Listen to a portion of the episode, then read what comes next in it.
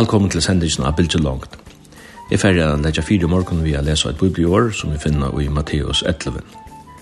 Og vers 28, her er det Jesus som taler, og han sier, Kom her til min, at tid du strevast og hava tungt av bæra, jeg skal gjøre deg noen kvilo. Det er ikke åk mot atekken og lære mer, til å gjøre for og ei mjukra hjärsta, så skulle tid finne salen til kara kvilo. Det er åk mot er gagnlitt, og byr min er løtt. Vi får henne nå at høyre sannsyn Jesus hit øyneste, og at han så får jeg å spille en samrøve som jeg har gjort av en danskartur.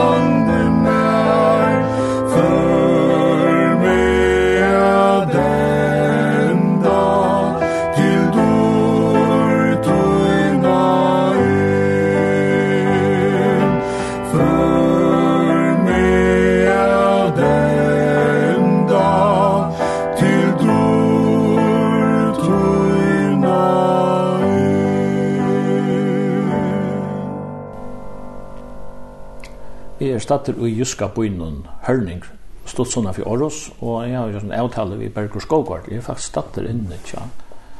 Berger Skogård i Hørning. Berger, takk for at jeg kunne komme og vidtja deg. Hjertelig velkommen. Og takk for at jeg kunne slippe at sette deg noen spørninger og prate løsens om livet til. Ja, du skal være velkommen. Ja. Aller først kan vi si at stått er Berger, han er født til 1935, nærmere sagt 22. mars. Og han er gifter vi Tove, som er dansk. Og de øya Trubad, Malene, som arbeider i det som lakne og i vidare. Og så er det Kristoffer, som er arbeider for IT, og Rebecca, som er psykolog, arbeider i Skype. Og inntil vi er det blivet til seks av Det hendte her i Søstvig, ja. I Vigenes, her opp til att det fick en son här trätt. Abba son. Vi bergur, du födde mig som 25 Ja. Du räknade det som haunaman. Tedje. Haunaman var stor och hall. vil ikke prøve annet, så det här måste jag... Det här jeg jag stola. Du bare kvar var... altså, hva er det du upp här, familja. Ja, men jag är uppvuxen. så jag har haft näck, så helt i början. Så var, så var det näck samma vi um, den unge Reine.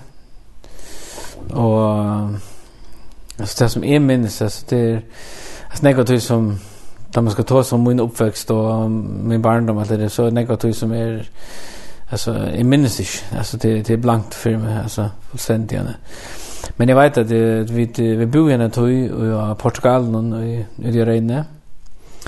Och flott så nyen av nægras nere baracken som var i av marinstøyne. Det var sån rej byggningar, det nästa som inte vidare det där det var så men det var sånn rätt hus här. Bor vi där Og Och så det men här som vi haft det mest av min liv i förrjun, det var att tingesvännen. Eh gamla husen til prästen Axel Torgar som vi köpte och som vi flyttade in i. Jag hade var sex år gammal då vi gjorde det. Alltså Torgar han var det slags skillnader till chatter. Mamma då hon var av Torgar flocken. Ja, och det alltså det det här som några ting är också ringt som är att minnas eller vid om så att att att om Axel Torgar mamma var sista på den där vet jag men det det är onkel som säger Ja.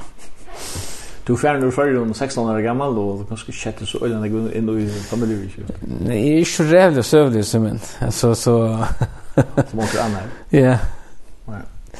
Så, men jeg bor i Danmark nu, så i, i, i fors, desember 41, så det er klart til, til det som er fyllt mitt liv. Ja. Men det var i flere? Vi var i flere sysken. Jeg har en badja som, som da gjør til verre. Ja Han eh, er Birger, Karl Birger Jakobsen, ble han kallar. Vi kallar han Birger. Nere kallar han Karl. så, men han, han døg her for en 800 år siden. Og så har vi en, en badja som er bjatne, og som, som bor her i Danmark, og som vi tar en god relasjon til.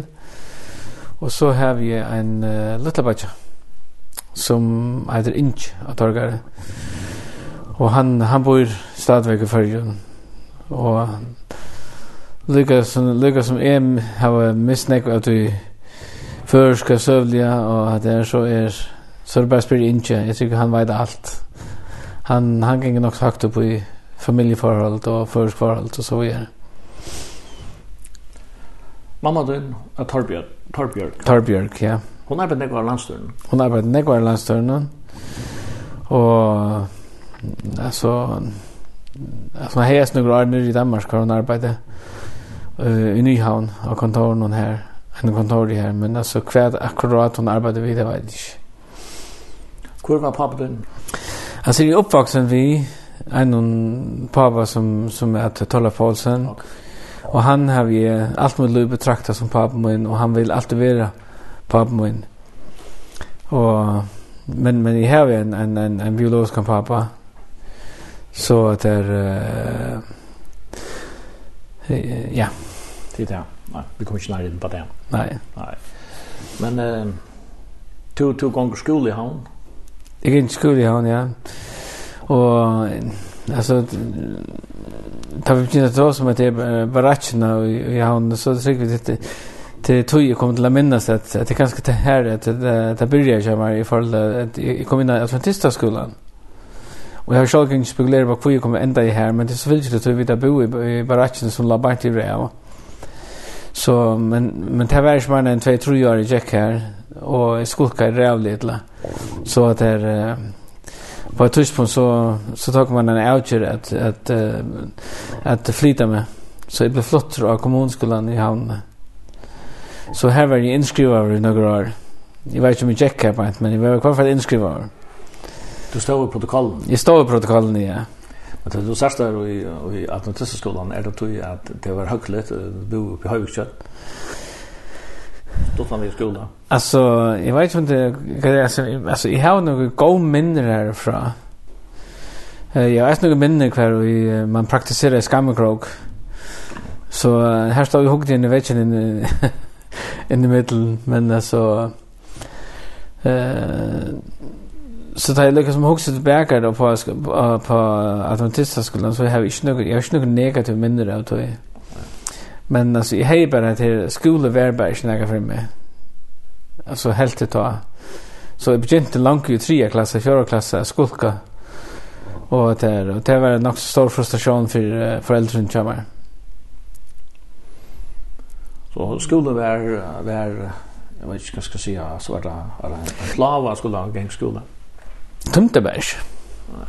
Alltså vid i hein jag har gått jag går går vinnerskap vi näggen som renner ranchen och och tar dömde alltså tar var Lucas så eh alltså var Lucas näck för eh alltså skolkainek från skolan och han mötte ju upp och allt det så och det blev så lätt att vi vi begynte så att att uh, mötas. Sen för för i skolan så möttes vi bara fyra personer och vi hade några hytter nu ute i regnet som vi uh, uh, brukte brukte tøyne på så jag tyckte det var ett ett, ett, ett projekt som lärarna kött uh, så accepterade att att vi vi det vann kampen alltså. Så där skolan där det det är nästan. Kanske lärarna också som så att till lucka för att det ska komma skola så är det friare dem. det kan gott vara. Det var kanske inte friligt av vi var där. Okej. Så alltså alltså men jag har kanske mindre av skolan kvar och alltså läraren var alltså Hvis man egentlig vil se reie tjolkar, så skal man komme inn i det klasselokalet. Det var rasande i dag, altså. Så så det var ikke inte den minste närmare som man drömmer om Skolan. Mm, jag var inte, jag var ikke et klasse eksempel på en goda nærmere, nej. Så men eh, vad var det så för miljö det var du som var växte upp i? Alltså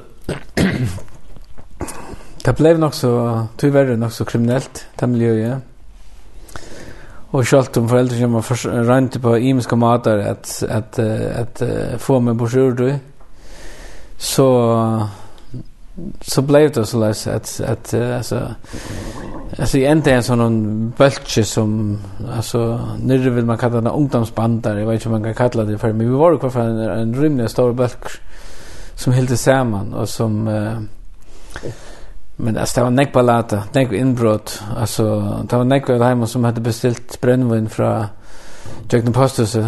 Det tog ju kvar man uh, man ikke fick sina flaskor hvis ikke man hade betalt skatt. Men tyvärr så var det vi som att vi för något vid Arent här nått fram. Så det var näck inbrott, det var näck uh, alltså jag chili ting. alltså i i i, i ungdomsharnan så att det och jag vet inte någon skylt när med själva så att alltså det var ett, ett miljö vi var ju i som var ringt att att sluta vi. Var så ofta ni jag hörde om lökräklarna. Och ja. Det var välkänt så ut.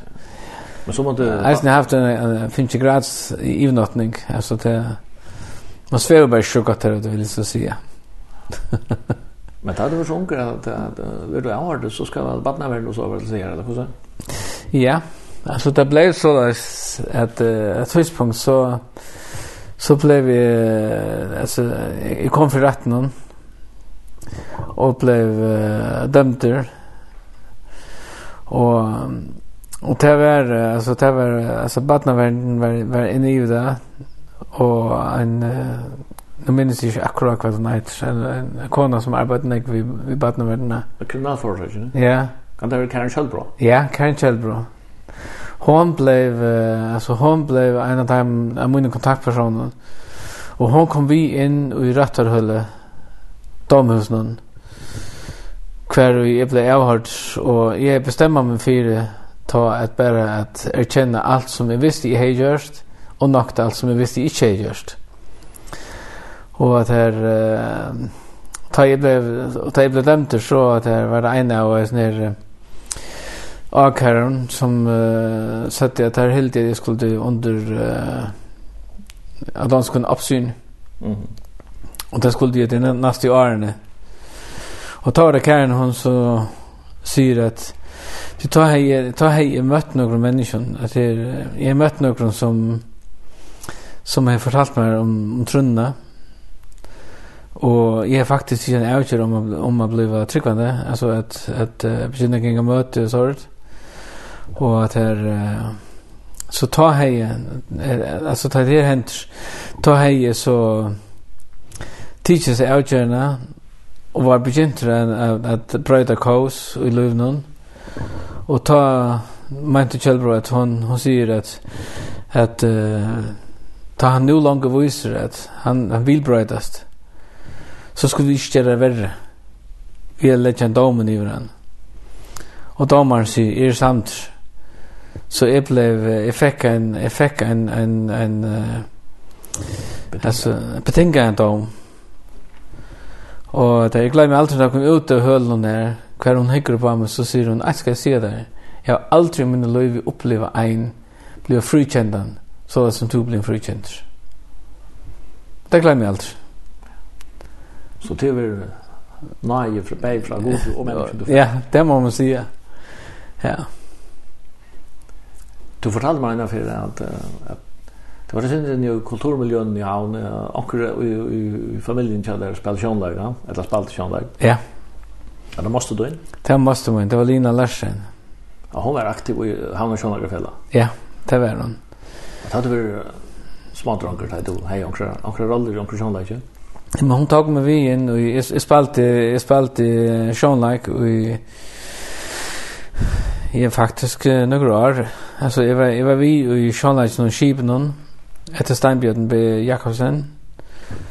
Och där eh och sen så blev vi sport som vi var vi i Charlotte någon test en like som hade voice sick. Och men de där var Charlotte. Och där så jag blev ästlen tiden vi när barna så så vi spalte ästlen Charlotte som är städje bilen Og hver vi ser man flere øren ungen spalte rundt, og i sjangar hos noen, men eisen inn i sjanfinnan, altså eisen i skolen og rundt om i fyrgen. Og, og så fikk jeg så til, til opplevelse eisen at jeg slapp å spille vid det kongelige teatren som VJ fyrger. Så plutselig så, så blev skriva skrivet i, det man think kongelige føringer. Så det er, så det, det var nog skik.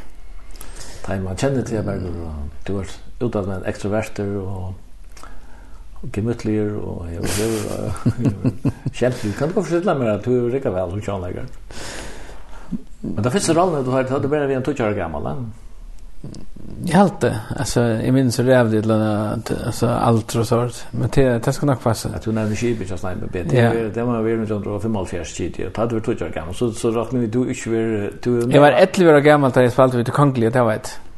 Okej. Så så kan det ge den rollen så där skipen om till nog inte du nog inte var minstra vi skipen om men du så skulle vi kajen och så pappa pappa du farväl. Jag säger pappa farväl.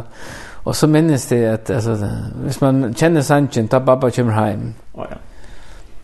Det var han han drunkren som det blev sunchen till, det var det. Men alltså själva karriären hun fikk sin enda. Hon fick sin enda. Tui blev frälst.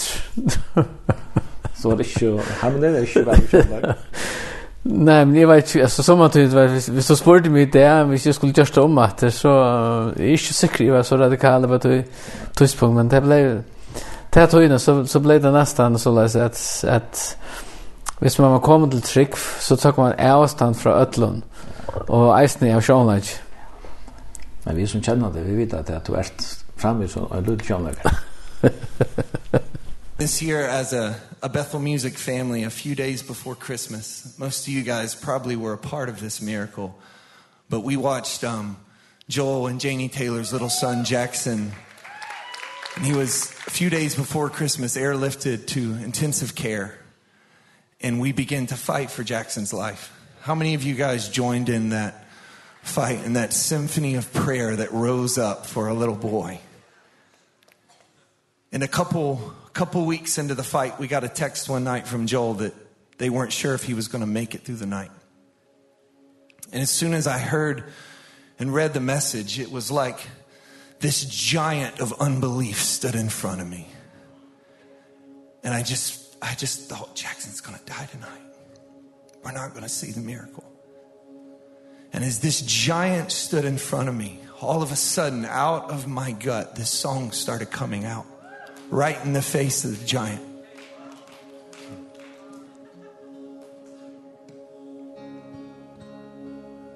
I raise a hallelujah in the presence of my enemies. I raise a hallelujah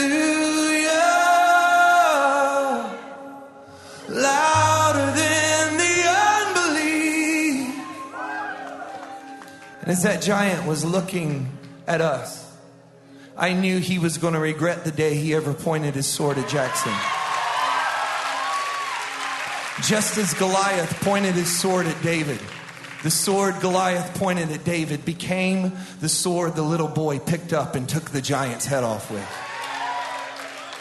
And as we watched this miracle happen in Jackson's body, it was like this giant of unbelief was falling and our community just began to sing this song. It was just one note in the symphony of prayer rising for his life. So I want to teach it to you this morning. Let's sing.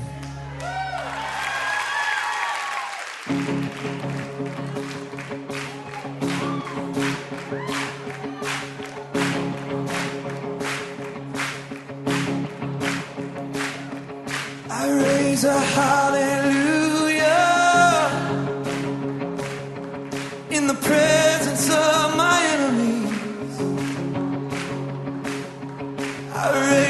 Father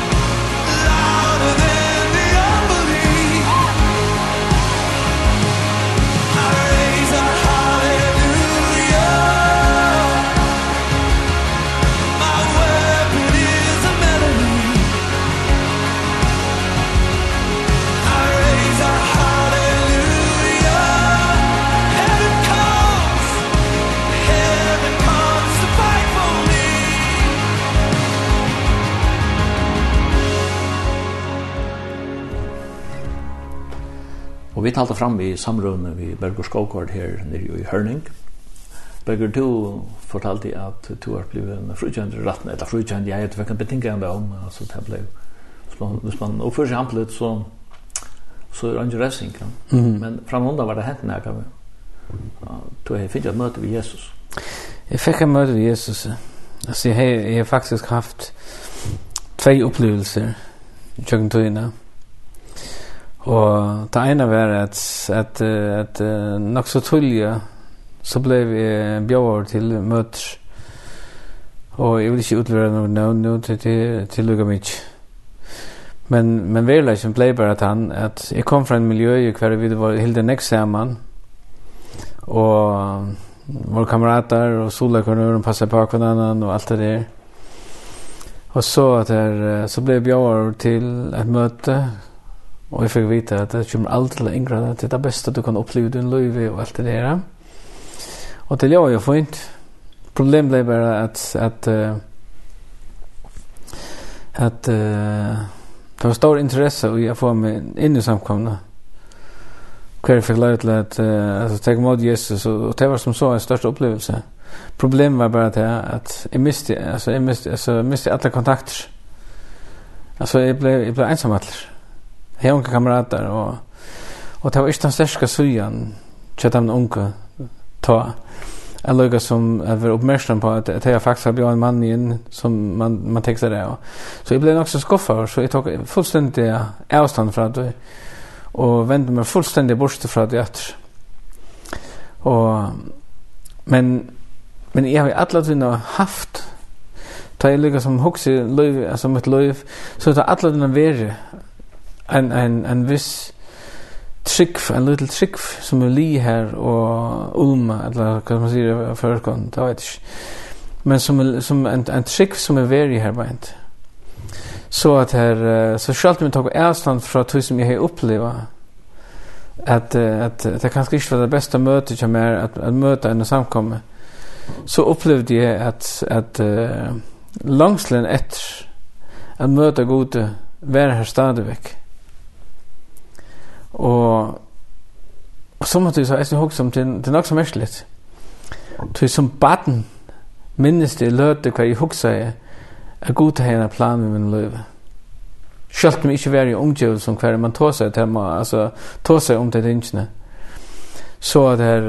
Uh,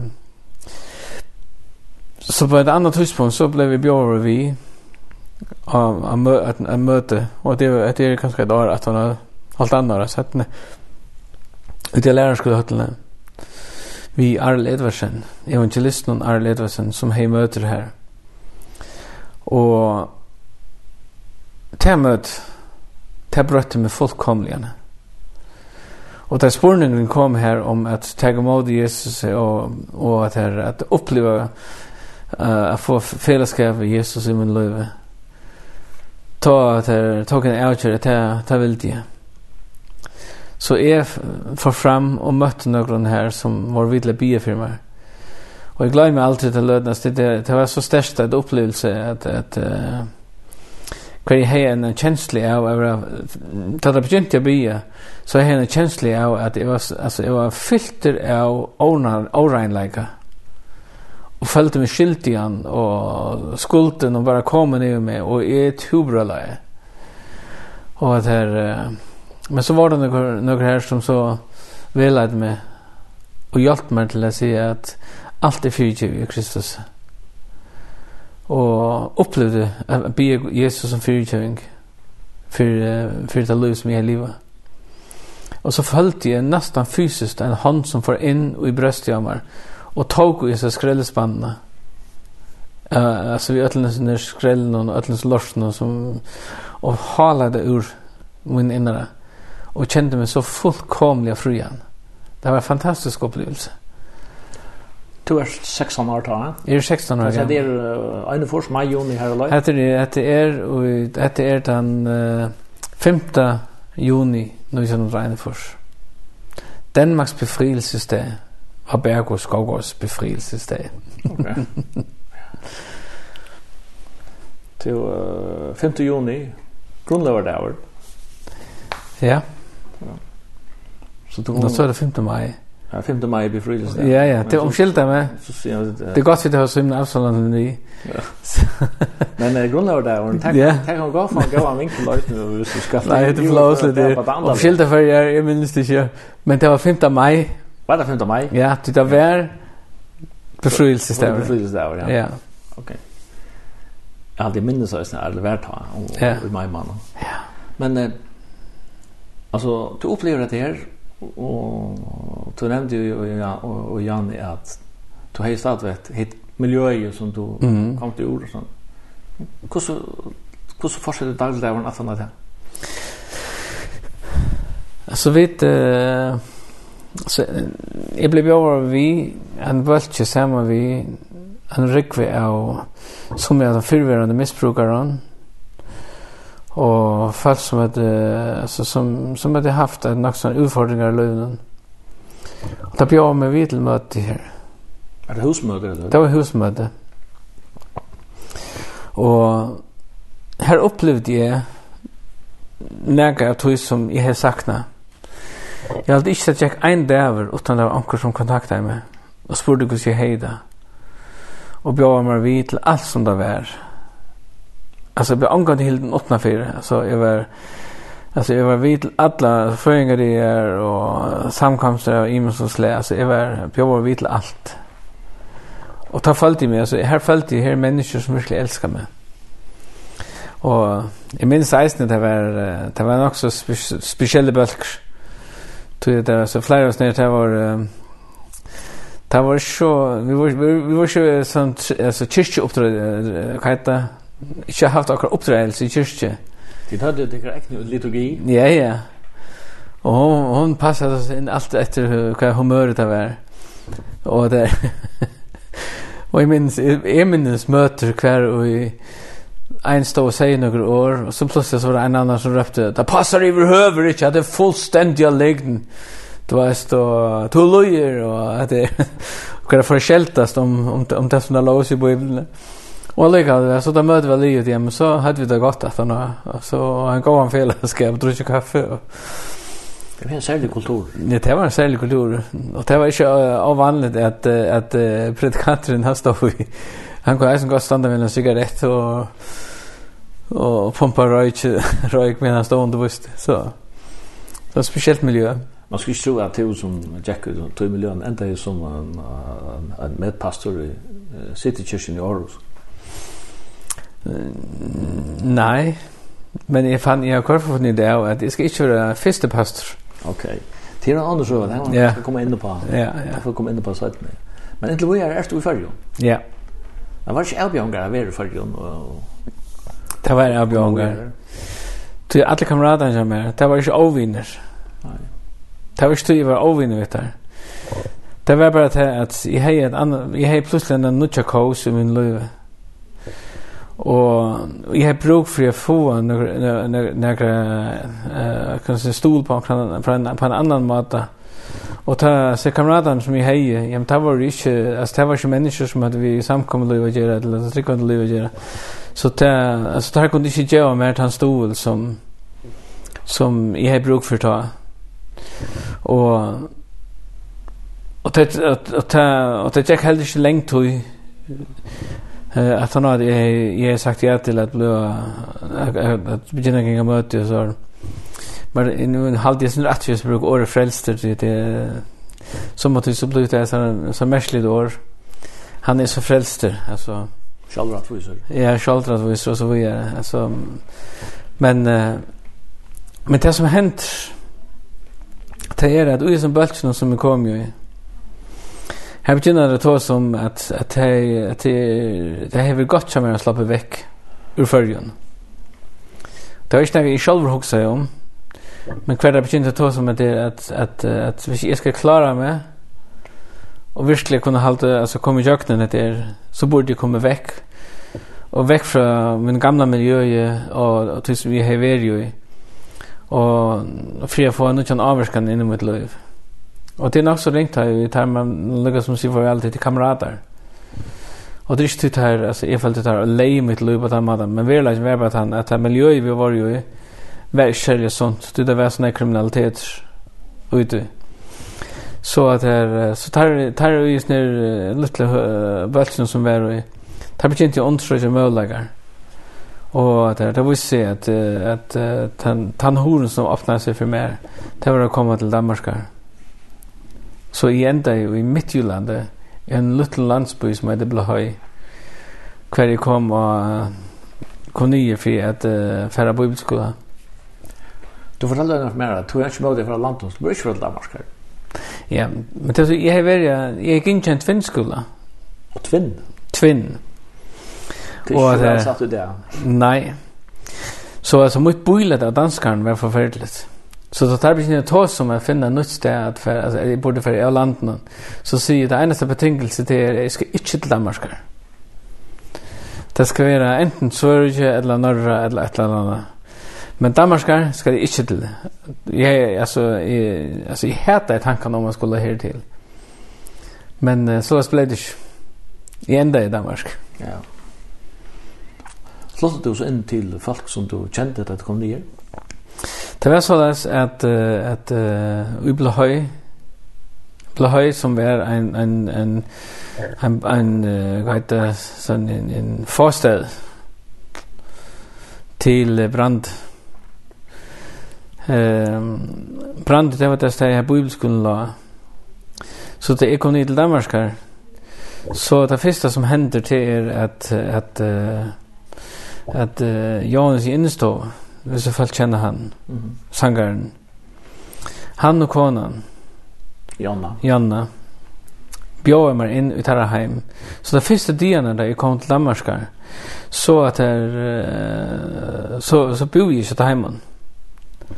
Og at her, uh, og så stod jeg etter nå, så kom jeg inn og några som heter Bethesda som var en lycka som ett rehabiliteringscenter Alltså som tog sig av missbrukare men jag var inte missbrukare så jag kom in och i det som var ett utslusningsheime och fick en kamer här inte bibelskolan skulle börja och så att här så att här var så flott i ena bibelskolan och här bor jag så trutja manar Här mötte du Falkon som ordentliga, kan ska man säga, tog sig av där.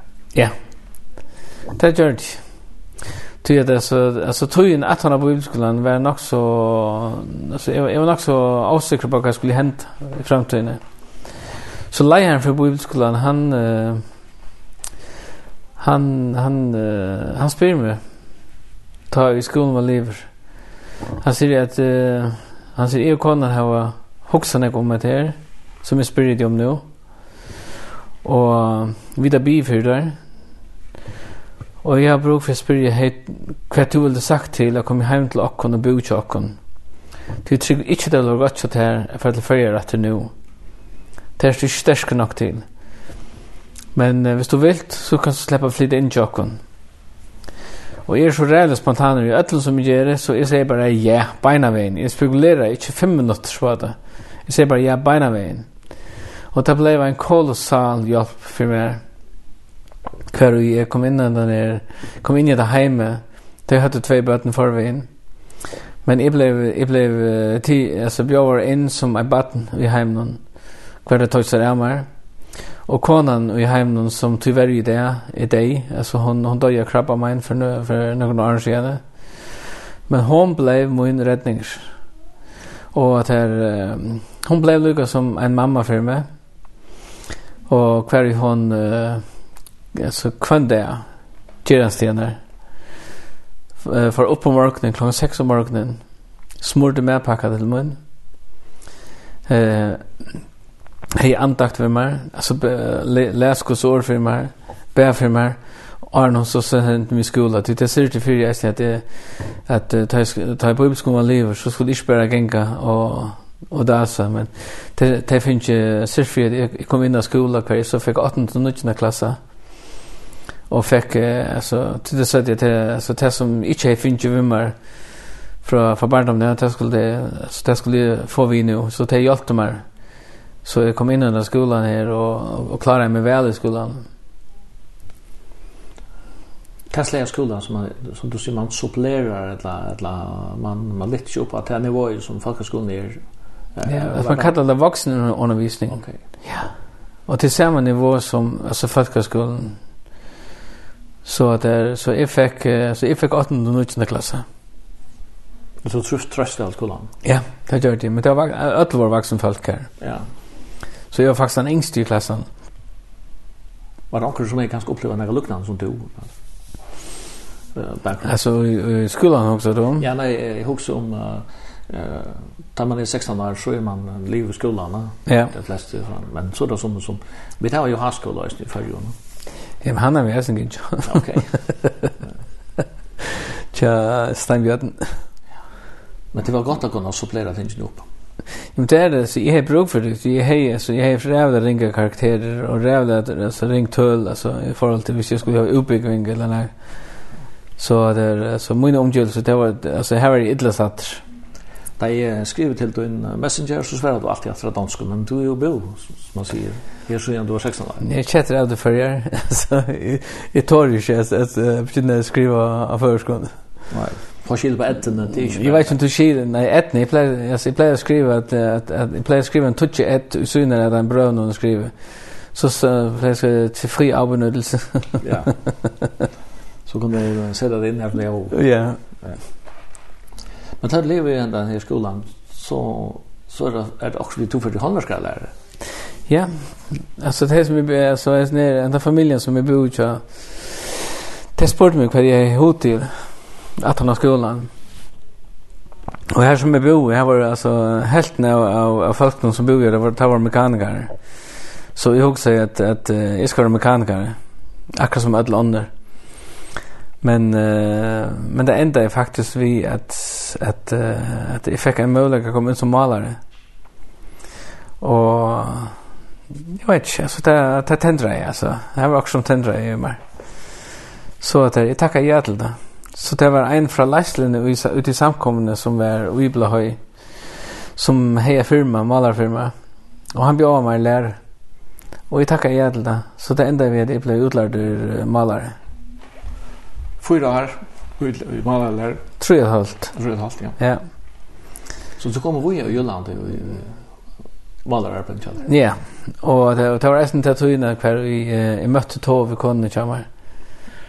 Så, det, så jeg ble mer og mer grunnfester i, i det midtjyske, så som man sier, i den jyske jord, eller mull. Og tog kanskje man brant det? Tove kommer fra brant. Här bor en där bor en här som som bibelskon läcks.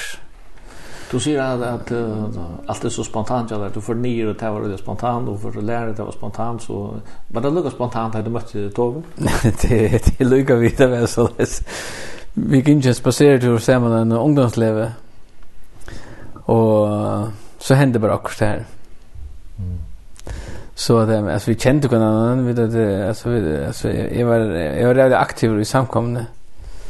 Så där så vi vi kände kunna nice ni här. Men det var också som jag säger ungdomsleven kvar vi var ute och gynkänt i år och så Ja, men så hände när vi hjärtan Vi halta ett för els och så en ett för els ett för els så kallar det det för. og så resten søva Och så ja, til det jo ju sammen og gift og Vi skejt tredje år Ja, det er skönt.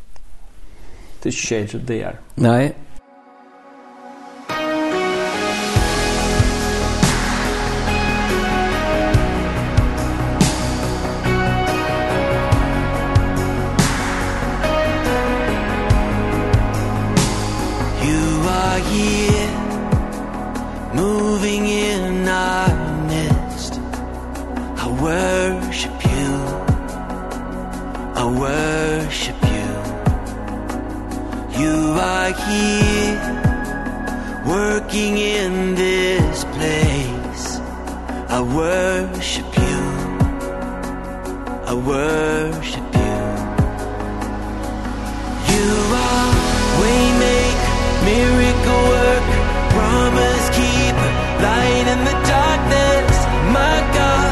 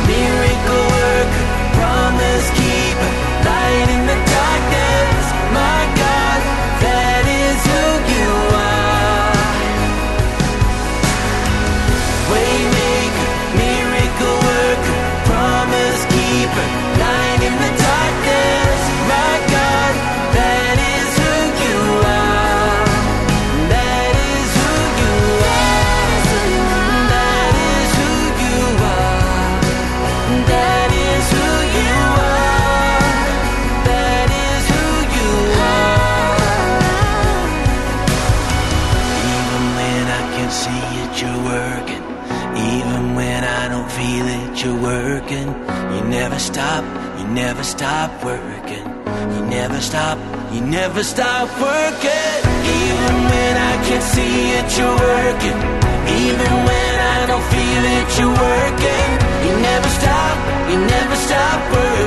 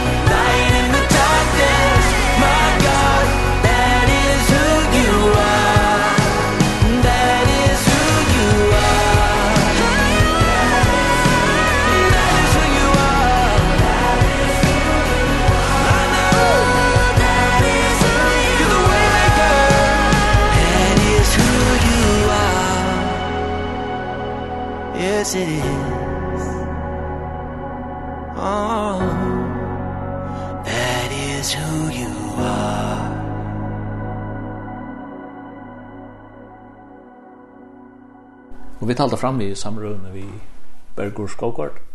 Bergur, du har funnet havet, så ble det gift. Ja, vi ble gift... Uh, hva ble datoen? det er 12. mai.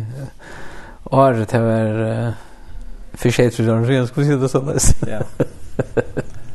Vi sier aktiv forskning. Aktiv forskning ble det.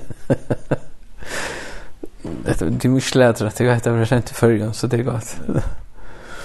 Och ta, ta bodet i Brante? Vi bodde i Brante då, ja. Och köpte hus på den vägen. Köpte en rävliga dyr hus, 325.000 kronor. Men det är fint. Ja, det är fint. Så det var akkurat första hem.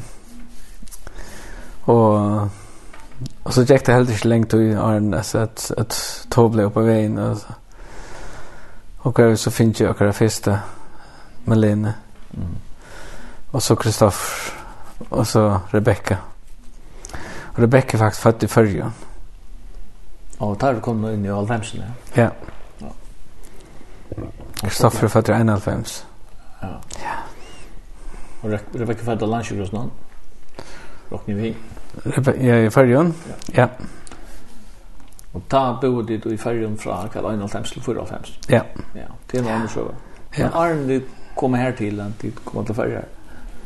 Så är det då i i Brante och du arbetar som målare. Jag arbetar som målare. Men jag var redan aktiv i samkomna. Ja. Så det gick heller inte länge till kvar vi alltså att att att alltså jag begynte resa när Og Och alltså aldri, altså, jeg har onkar det egna meg til å være en som altså, så alltså att att det visst hvis man vill hvis man vill yngste, hvis man vill det haft meg som leier, for en samkomma jeg skulle leie over fyrste med över senior pastor. Det har vært en skr skräcklig eh situation för samkomna till att är det något som inte egna med till det är standard som första lärare och och och det som hände ju blev höj isen ta att ta vi var här det var att att vi inte resa näck och mer mer sån evangelistisk kan stå i kvar vi att att alltså det var ut att bättre bådskapen om Jesus be för dem sjuke, utrya människor och uppleva nekva grøyngar, och näckva utfröelse och och det og det tok bara till mer och mer mer till så att ändå så på et tidspunkt så kom der fra Leislene i, i i Britannia ble høy og spurte hva jeg ville sagt til å bli ansett i samkomne og det er... Uh, det som det skjedde helt klart for meg det var at vi ansatte det ikke til at du skulle gjøre mer samkomne vi ansatte det til at gjøre det som du gjørst lång alltså det som du lång alltså det som du är igång vid nu vi det bara bruk för jag frigör det till det så det var en, en, en märklig situation att bli att, att bli ansatt för att få ett arbete och jag ska inte gång göra något extra än det som jag gör i förvägen och det var det som jag gjorde i mina fritid det blev plötsligt så det som jag gjorde eh det så halva tid till att börja vi så det var det var min första ansettelse som som som uh, troboare. Och pastorer och uh, samkomna her i Blåhøy? Det var uh, alltså Ove Petersen som var uh, leier, alltså, alltså leier på Bibelskolen, hon. Vi Peter Massen. Okej. Og Och det var Lucas som tar som uh, var leier för samkommet, och Lucas som tar som hette uh, eh ästne tossa för det blev frukört til det sen tjänsten som jeg är. Och tant henne så som du vill nu er där eh att predika eller jeg vet at du spelar sin gitar og så spelar du musik. Alltså vi lät en lovsang ta. altså vi vi hade en sånn bølk bölk kvar vi vi reiste nok snakk rundt vi og leite i lovsang i, i samkommende rundt om Og, men så var mitt, for, mitt forkynnelse maten, jeg forkynte jo at det var en det er at, at uh, føre mennesker til Kristus, hjelpe dem til å komme i kjøkken til en relasjon til Kristus, og så at det er bia for sjuk, og at, uh, at, at utfrie mennesker. Og det ble liksom som det som fyllte, altså, uh, så nek mennesker blir blir grøtt så nek mennesker blir alltså så demon besatt men alltså alltså men mennesker som har sett ett land och som blir utfria och alltså upplevt det otroligt nek vad det och det och det visste jag bara att jag tittar som är mitt kall. Det här att att bygga upp och discipla och allt det där alltså det det då det slash det då i stadverkish Men det är alltså Jimmer alltså Jimmer Love till att tala om frälse, utfrielse och det. Så är det ju hemmabana som man säger. Var du inne när fulltime tjänst du i Blåhöj? Alltså inte till att börja vid, nej. Pastor? Jag var pastor, ja. Okej. Så att det det var 100 till att ja, ja, det, det var faktiskt pastor i alla tvinna i Blåhöj. Så det var nästan från Blåhöj vi så kom till förjar. Mm Ja. Du får bannlands ur, ur til tennast i Blahøy, kom til ferjar i 91. Ja. Du er i 91 til 94. Da kommer familien til der. Du og ta og ta et tvei bøtt. Tvei bøtt, ja. Og flytta til Torshavn. Ja. Det er ene ferien at du bo i ferjen og siden og du i Einefors. ja. Hei, det var en øyne turbulent tog i ferjen. Det var alltså alltså det är följde mig sån skilt igen. Jag spekulerar på om det var min skilt där för jag kalkylerar.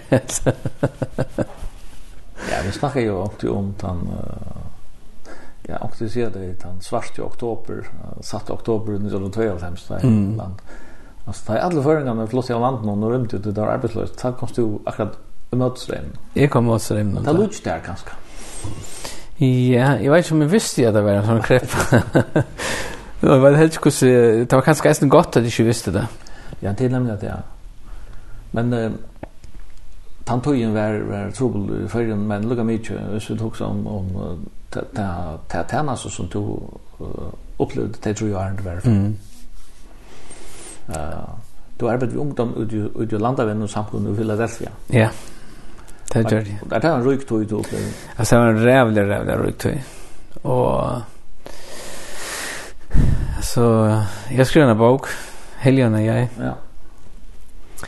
Och när som fyller nog snack vid boken det är tantojen i i förgen. Mm.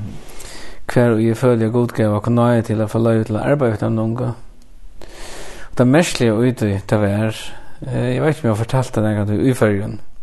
Men nu kunde jag få vite det alt. Da jeg kom in i Philadelphia och skulle börja det var sæleren, filter av unge mennesker. Og det er sett her, men jeg var ordentlig begeistret av det, var sånn jeg ung. Så har jeg en rød som sier vi, men hikk ikke tre som skjer han. Du tar om at å fære en fire andre etter. Og det blir ordentlig klakker. Og... Men det ble brekk på sætene. Jeg flere, flere får forsvunnet. Og glad i meg omgang til hver og jeg så at, at Thomas Jakobsen, han han spurte mig han säger vad? Han sitter du där vet ikke det det som hänt nu alltså det det ser skille godt ut akkurat kan nu. Och heldigvis så har Thomas den ta følsomhet i fri i för så fortalte han det upplevelse jag haft. Och han backade meg opp fullstendig i bena vägen. Och kvar vi vi alltså finns ett trick för att jag men god tog som jag gör när kan nytt Og så begynte nødt unge å komme inn. Og at der, og spekler, så begynte det bare å vekse og vekse og vekse og vekse. Og glem mange ganger vi var hatt en, en leve. Og til, altså det er folk som kjenner meg til, jeg har sikkert hørt det så søvende tusen før. Men vi får en leve og surrettene. Og det var samma vi flera alltså Daniel Dol Jakobsen han var resne och och andra var där allevne. Men kvar vi eh alltså alltså kvar som hände det det det, det är så obegripligt alltså plötsligt så fattig och sande bara så ung. Och folk blir fyllt vid hela landet och begynte å oppleve åpenberinger, og folk kunne ikke stande beinen, altså, det, det var, det var, altså, jeg ble helt nervøs nesten de teenagerne, det, det var så fyllt vi andre, så jeg kunne ikke stande beinen. Og jeg minns eisen en nøg folk som kom inn, og så kom, kom jeg åttan, for plutselig kom jeg inn, og så jeg det her. Eh i minst ein en en en en för en trubor i förrän han han kom inn i en hörna Og han sa det her, han sa seg unge lov i gulden, og hørte, hørte disse bönar og gråte og, og later og alt mulig, altså. Så stod han här och jag hugsade bare, altså, hva skjer nå? Og så sa jeg bare, tar han i en og hva han så sier, att han minnes det. Att det hänt i ästne i munnen unge døven. Og, men det hände bara när jag tydlig levande. Kvar och i, altså, det kom en helt annan mentalitet en middel der ung. Och alltså det är att kalla ung saman til att bia, det var ikke problem till det var det som kalla saman til bia. Och plötsligt fick er tralt vi att fylgja vi. Kan det bo för kornören, det blir döpt i hela anden, det bekymte til hela nutjon tungon och profetera i och Og, og det var bare unger ur, ur, ur havnene, men eisne unger ur, ur skåpen som var vi. Og Och där för mig ständigt det som ett ett fantastiskt minne alltså för förrän jag. Och så såg det så där hemma det så så upplevde jag stadväck ung som kom och fortällde sig över ting som hände där i livet att inne. Så det ständer absolut som något det största jag upplevde i min liv. Det som som minnas tur det så. Ja. Men eisen det som så hände i attarna, det kom en helt nytt dimension i, i, i, i mötena i attarna. Mm ungdomsmøtene og lovsangen och alt det der. alltså det det, det händer bara där alltså det det kommer nytt dimensionen Og det händer en tog i förr med storron hva ska jeg säga arbeidsløs och, ja. og, och sån ekonomisk avmattning i samfunnet. mm. och folk runt av landet ja Jag glömmer helt til alt det. vi vi skulle ha någon sån leve. Eh jeg, jeg hade faktiskt vi får till så Philadelphia här en byggning av Cleveland och vi skulle leva i här. Problemet var bara att att det var nästan inte milda till. Tog att så folk har tortish. Det hade inga pengar. Og jeg glemmer alltid vi forgengar, forgengande overgjengende kajene. Så sier Gud, kan du ikke gjøre akkurat? så att vi spärrar sen så vi kan göra bøyler för folk att komma och leva. Och så upplevde jag det hver, som om anden säger mig, higg upp. så higg upp, så sutt jag bara eh i bacalao så tjej i vattnet alla han allt är totalt livande. Och där och det som det och tanken slamme vi skulle fiska. Och jag skundade mig för färdor i några av en unge som säger kom vi skulle göra levna bojligare. Mätren han bojade så kan ut. Och jag vet inte hur sån det var säger vid hiva i land. Alltså det var ja, alltså vi var uppe alltså där över 200 altrus säger som vi finner. Och så får eh, konar gångt alltså i, i Philadelphia och körde frikadeller och körde knetter och det så vi faktiskt nästan hade gratis med och det resulterade ju att det var alltså folk kunde melde sig till levna. Och så är det märkligt undrat vet och som kunde anka kanske kan säga att det här var bara tillfälligt jag fått. Så det är en fantastisk förfällighet alltså. Og her var det så uh, i fergen, og tror jeg Ja. Og den sista, uh, Rebecca, ja. kom til verden her. Hon kom til verden. Hon var til føringer. Hon er føringer, og hon er gift, altså, som no, no, også, man, man er halvføringer, det er hon er danska mamma, danska pa, eller førskan pappa, men hon så gift vi en som, eh, som er soner av en føringer, Og mamma er dansk, og papen er, er, er føringer, så, så jeg husker en, en halve føringer her og halve føringer her, det må være... Det var sånn sammen. Det, det blir en heil føringer, er ikke det? Nå peker du inn i føringen og føringen en enda. Ja. Og så kallar Danmark atter. Men nå er det ikke brant. Nei. Vi... Uh, jeg vet ikke, plutselig så... Jeg halte faktisk av Tove som sier det. Han sier, jeg har fornemmelse av at, at Gud bare gjør åkken tru det her i følgen. Og vi skulle til Danmark her. Og, og det begynte så å arbeide i åkken. Og så plutselig en dag så, så ble jeg ringt opp av, av Fredrik Rasmussen som var fyrstømme av i Kvitsson samkomne i Aarhus. Og hver han bjør meg at tåse i samkomne. Eh, ett eller annat hände ju mig. Ta hans bort. Jag visste att det är inte bara tås i samkomna. Hette er et en rønt, en spårning om att komma till Aros och till henne samkomne her. Og det visste sig at det ble det til. Så vi enda i Aarhus, at nå tror jeg er i färjan. Og nå skriver vi 1904. Ja. Yeah. Och hur du var det så gärna ja, tror vi så. Ja, ja vi var alltså först fem år. Och så hade vi den tog i Svenborg i fyra år. Och det var här det blev ont så vi kraftigare tusch. Är det inte var första med år i en samkomma. Jag stannade ensam alla och lejarna samkomma. Alltså det det var vi slå med alltså ihjäl alltså Alltså ja, hela förfärdligt alltså. Bartes verkligen alltså. Och jag brukar för att komma in under ett team alltså alltså är det härnäst. Nej, går i imskar. Ja. Man kan inte allt. Nej. Vi drar fyra av hems till nei, hva skriver vi, nødja nødja av hems, og fyra år fram, hva du erst i Afyn. Ja. Så at det lar oss. Så att det lar oss. Og her så vi så Ja. Här är världskärna och här blir vi verand.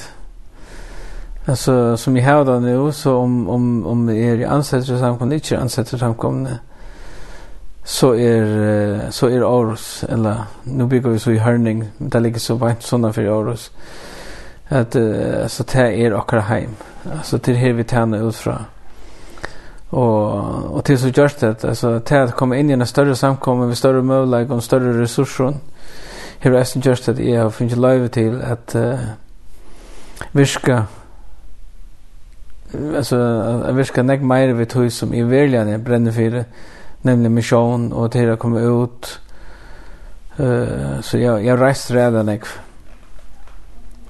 Men du virka som uh, medpastor her. Ja og du har haft akkur ære interesser du har arbeid som uh, massør. Ja yeah. Så sitter vi där alltså pastorer och massörer det på samma. Det kom faktiskt är att alltså är ett ett ett av det som som som jag gjorde upp för mig själv var det att jag bruk för att komma ut med människor utanför samkomna. Och tog började jag en en tog och så vi innan för styrkelyft och begynte att konkurrera vi vi vekton og så Og Och det gjør vi också alltså det får vi ett ett joke som det vi så att här uh, annonserade att jeg var störskaste prester i Danmark. Og anker spurst meg hva, så hvordan jeg vet det, så sier jeg, så sier jeg, det vet jeg til, ingen utfordrer meg. Så at det, det eneste bevis på jeg heit, at det var at jeg selv hei, altså, utrøtt meg til å være eh starkaste präster i Danmark. Men det blev hängande. Ange blev ja. Ange blev ja. Så allt det så det kom runt så så fick inte folk att spela så nej, det är det starkaste präst i Danmark. Du vet så säger jag ja. Men eh det här är så så men ut i miljön. Här var en massör. Och och vi kom till att ta som ett här Så jeg, jeg husker, jeg, jeg kunne ikke. At uh, det sker skal man ut og prøve noe nytt, og prøve noe, altså, at, at, at, at uh, lykke som lære noe nytt. Og så jeg får lese det man sør, og det er, altså, det er en av de beste gavene som jeg, jeg finner med meg, altså. Altså, jeg, jeg, jeg, så det er fantastisk å møte mennesker på en helt annen måte, Och det är inte det stand ju praktiskt evangeliet där alltså folk är bruksen så det. Men det betyder heller inte det inte gör det. Alltså så enda mal kommer det har vi alltid vill bara att att hjälpa människan. Och navnet Berkur, det betyder uh, bjärkare. Han som bjärkar och vanta, det betyder navnet. Så säger det, så tycker jag så, så firman kommer, Eidebergur.dk. Mm. Att det ger den stora kontaktflata som du... Kolossala. Kolossala kontaktflata. Och jag har haft näck människor alltså är alltså som omkring har haft så har nog så ringt vi att att hantera det här det är som präster jag skulle massera folk och så ehm Men jag blev kvitt ihåg som människor med lakna. Hvis jag nu var lakna, så, så, så, så hanterar jag det eisen der skulle arbeta med folk. Mm Och men jag har haft det fantastisk upplevelse. Jag har hotat för det jag vet inte vad tog säger men alltså jag har en fantastisk upplevelse med en kone som en dag en ringer till mig. Hon bor här i Hörning och spyr om jeg har tog om om om jag är möjlig för att att att att, att massera henne. Och så säger hon att jag bara brukar för sig att det är att jag har krabba meg Og jeg håper ikke noe problem for det. Så sier nei, nei, du er velkommen. Bare lagt han og sier at det gjør den, at det blir masseret, så det gjør den. Og så kommer hun til kona, og jeg fikk ikke lov til å fortelle det til, så det er ikke en gang, altså det er ikke noe som er hemmelig. Så, så tar hun kommer, så sier hun, jeg har ikke fortalt deg alt. Og så sier hun at, at uh, jag fjärna alltså jag finns fjärna i brösten kommer på grund av på grund av kräftorna. Underlivet är fyllt av kräft. Heilen är fyllt av kräft. Och och hon säger jag vet att jag ska dött. Ta jag sa ta jag sa att du var präster. Jag ständer det nu på Facebook alltså att det är präster. Så säger hon ta fick i vågen. Og så spurte jeg henne, så sier vi henne, så sier jeg, du kom her for å bli masseret. Men vil du eisen gjerne ha til bi för det? Så sier hun gjerne. Og så att här så vi får igång så och jag begynte massera henne så bara tyst på så lägger jag min hand till hötte och så blir bara hela handen tackar du kommer att du du ner med henne nu och tackar du fyller henne lät din fri kommer ner henne og hon tubrade. Og så här och då jag var livet la livet jag be för henne och var livet la massera så så satt jag ner och pratade samman. Och så sier hon at det her var fantastiskt. Och så spyr hon så, så sier hon att ta i tub lägg handen och hade jag mig och inte be for meg. Ta kände jag kraften. Så forteller hon att hon Nagar er tver viker åren, hei gynnsi ut i en marsk her uti hørning. Hver vi hon er røpt og skrala klokka tru i nattene. Hver skal bjerga meg ur i det støv i jo i. Hver skal teka seg av mine bøtnen. Ikke dødj. Og hun visste hun skulle dødj. Og at her, ta i stå av marskene, sier hun, ta kom en kraft i nivet meg. Og ta to bæs for meg, ta kjent i kraften at og at her uh, og sattene så ringer hun til meg så sier hun bare vil du hjelpe meg inn i en relasjon med Gud? Og jeg får lov til å be vi henne til frelse og jeg får lov til å undervise henne da sørste tøyne hun levde her. Og jeg bare at jeg får lov til å fylle en menneske hva han er med henne Det har jeg aldrig kunnat läsa just hvis jeg ikke var massør.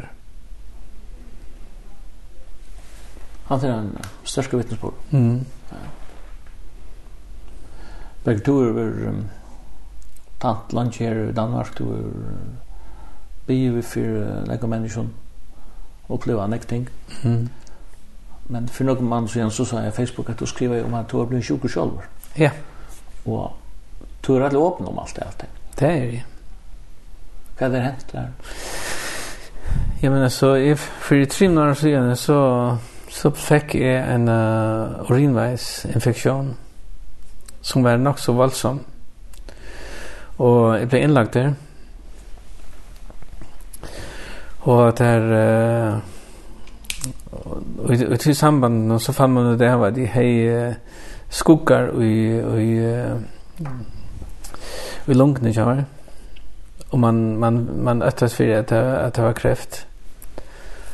Och men det visste det var det och så att här så så fick jag behandling och fick det bättre. Och så ett år cirka år att så kom det ena från träd kvar blev att det blev sjuker. Och så tre för nu här så hände det här att att jag blev Alltså jag blev kallad in tyder att det tidigare jag blåprovar av min, min prostata. Og her var tølene nega hø. Så jeg får jøkt nega kanningar, og da visste så at, at jeg har kreft i prostata. Og så at jeg ble innstilt av til operasjon, ikke vilde. Og det var, det var oppdia i gåvartøy. Uh, så jeg ble opereret. Fikk fjerna alltså allt det som äter prostata i kroppen och man så livet ut i konsekvensen det här visar och att här eh, och jag har varit i när finns det något blodprover nu och och og, og det sier att altså, som det ser ut nu så er det ikke kreft etter kroppen mm. så laktarna har sagt att det är, är Men i berget snakk vi, vi altså, at kroppen er så oppsliten at når jeg tror jeg er Jøknen, altså, jeg ser urinveisinfeksjoner som er i jøknen, altså, jeg blå problemer i eisene. Så det er, altså, det er en tog hver og i, altså, alltså rävla rävla mysk tog för jag. Så om jag var kättra då, jag har gråtit, jag har Alltså vi förtvivlar jag har inte kunna se några vann om det EU-liv och allt det där. Alltså också det ringaste tankar om mig själva och allt det där. Men eh, men det lösnar. Amen. Det lösnar. Alltså att det att det som alltså jag inte finns några kemo och jag helt några kemo som det ser ut nu. Och det sista prövar alltid att ta visar bara tull ner i 9-0. Alltså som danskan säger ikke målbar. Det vil si, her er ikke mål, altså her er ikke at, at, at, at, at tage meget af. Så to er kommet her til, at du siger, Herren jo hjulpet her til. Mm. Og skal nok gjøre det fremme i røsene. Altså, jeg har... Uh, Jag har, jag har sagt för mig själv att så att alltså att att alltså jag alltid levat ner att att att ta tabier och söka god och allt det där var så det beskyttar och att Eh, vi trycker stadigt på att det trycker stadigt på bia om beskyttelse inne i livet och så vidare. Ja. Men det livet är inte så verkligen. Tryckande folk blir eisen sjuk. Og at her, selv om jeg vil se blind for sjån, og jeg vil se læmen genga, jeg vil se mennesker som har haft, uh, selv, altså bi for mennesker med kreft, som er blind og grøtt. Og jeg har sett nekve at vi i min liv. Og så blir jeg selv rakt av det då blir det sån chock för en men det är bara en verklighet som man nöter till att konstatera alltså att att att facea kvar och ja så du kan inte renna från alltså du kan inte flytta från det. Så är det verklighet.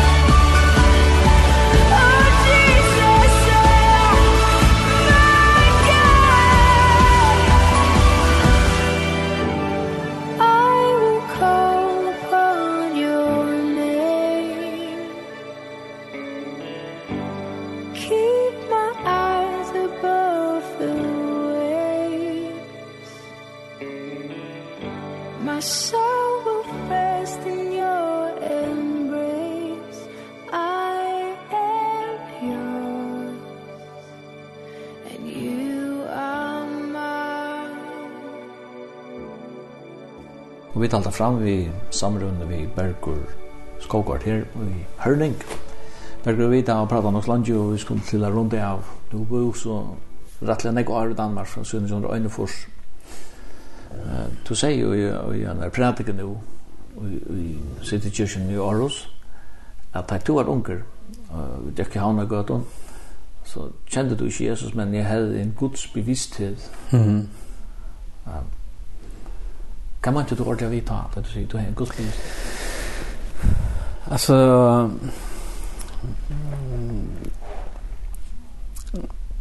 jag vill leva allt mitt liv vi en vi en känslig av a god vara här ångstanna. Det var ikke tog jeg vidt bo i okra heime, eller lås i biblene, eller... Det var ikke det som fyllt i heimen i jokken. Men eh av en eller andre årsøk så hei jeg at her et opplevelse av at god vær her vent. Og jeg minnes faktisk en av for hver og jeg, jeg husker at god vil at jeg skal prætka. Hvor jeg husker at det visste jeg ikke. Men det var som, som, som baden, så husker jeg, god vil jeg skal prætka. Og det var, så det var sånn ivvisninger som la her. Og, og tann ibursning har vi omgående kunnet stått fram her. Han er alltid veri her. Så at det er, uh, det som vi gjør i det, det følte jeg eisen som bad.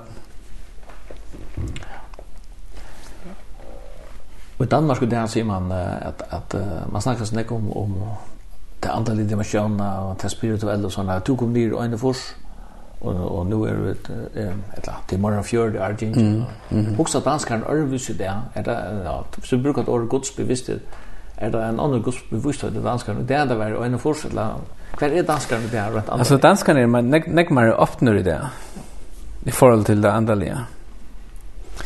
Og nu kan det godt være anker vi har hodla hur hade jag med det sig det. Til nu arbetar vi altså en av de tingene vi arbeider vi i samkomne til människan som kommer fra til spirituelle verden altså verden. Og vi der, vi meldte oss til altså sånn danska dansk kallar en helsemesse. Altså hver det er altså kvar hver altså altså det er uh, utstillingar av öllum mövlion spirituellan og her er vi den parster av det. Og det, det er så rævlig nek folk som søker inn i det, i det. Og hvis du kommer til attitydene, alt det de gjør er for kjørst, kom og hør med til jeg av sannleggen. Gløym det. Du kommer omgang ved, vet du. Men først du inn i det miljøet. Og tås av danskene, og at der stedet det på syner av dem og sier at vi søker bare. Du søker på din måte, jeg søker på min måte. Og så bruker jeg den möjligheten til at att ta seg inn i den människa. Er godt, er, er i vus om att nekva tog som de sier og forteller meg, er humbug vrøvl. Jeg vet nekva tog har ikke vi god å gjøre og nekva tog er eisne okkult og så vi gjør det. Men hvis jeg er stedlig med som bedre vidande så trakka, så, så trakka danskaren tilbake. Og at det er Och det er som sier, du må ikke ha fellesskap vid dem och så vidare. Jag nekar fellesskap vid dem. Vi tar ett miljø i det hver vi tar ett ett ett altså vi tar gospel gospelkår, hver nekvas folk nå kommer som är är är spirituelt søkjende. och her kommer alltså i løtene er vi alltså 200 folk i kåren. Och så har vi så ett nytt ett nek annet som är som heter gospelkirken. Och till en sån en plattform hver vi ser till en plattform kvar öll kunne ställa sig och och så hver det er i löven om det trycker som är trycker eller inte trycker som är trycker om det är homosexuell inte homosexuell och om allt det är att en plattform Hver folk kunne føle jeg kan standa utan å bli dømt. Og så det eneste betingelse til at det er som taler. Det er som undervis. Og speklene sutjer på hvordan mennesker flyter seg. Og så det är hokser om nu, og så og hokser fra, altså, för i åren till det verker da vi kom til Danmark, Så jo, det er en nekst større bevissthet om det andre tingene i det. Og nekk at du er, er mine verden og trolig åsomt. Men, uh, men samtidig så sier jeg bare, er nødt til å synes til meg, vet jeg. Og så fylltjøst. Til sikkert vi det enda samme sted. Men vi, uh, vi får lov til å oppleve at ganger sammen. Og vi sammen dreier med og langsle. Mm. Berger. Jeg har alltid vært utrolig avhørst av Horste, og for at uh, takk at jeg fyrir at jeg fikk lov til å komme her og mye tørning. Hjertelig velkommen, hjertelig velkommen. Og kunne ha samråd vidt det, og så for at jeg ikke der, og kondun og bøtten, alt det beste, ikke det gode etne. Takk. Og gå og sikning og i arbeid og i tjenesten og i uh, Citykirken i Aarhus, og Og så ønsker vi deg at du skal ha gav og halse. Jesus var sikkert deg. Takk for det, ja.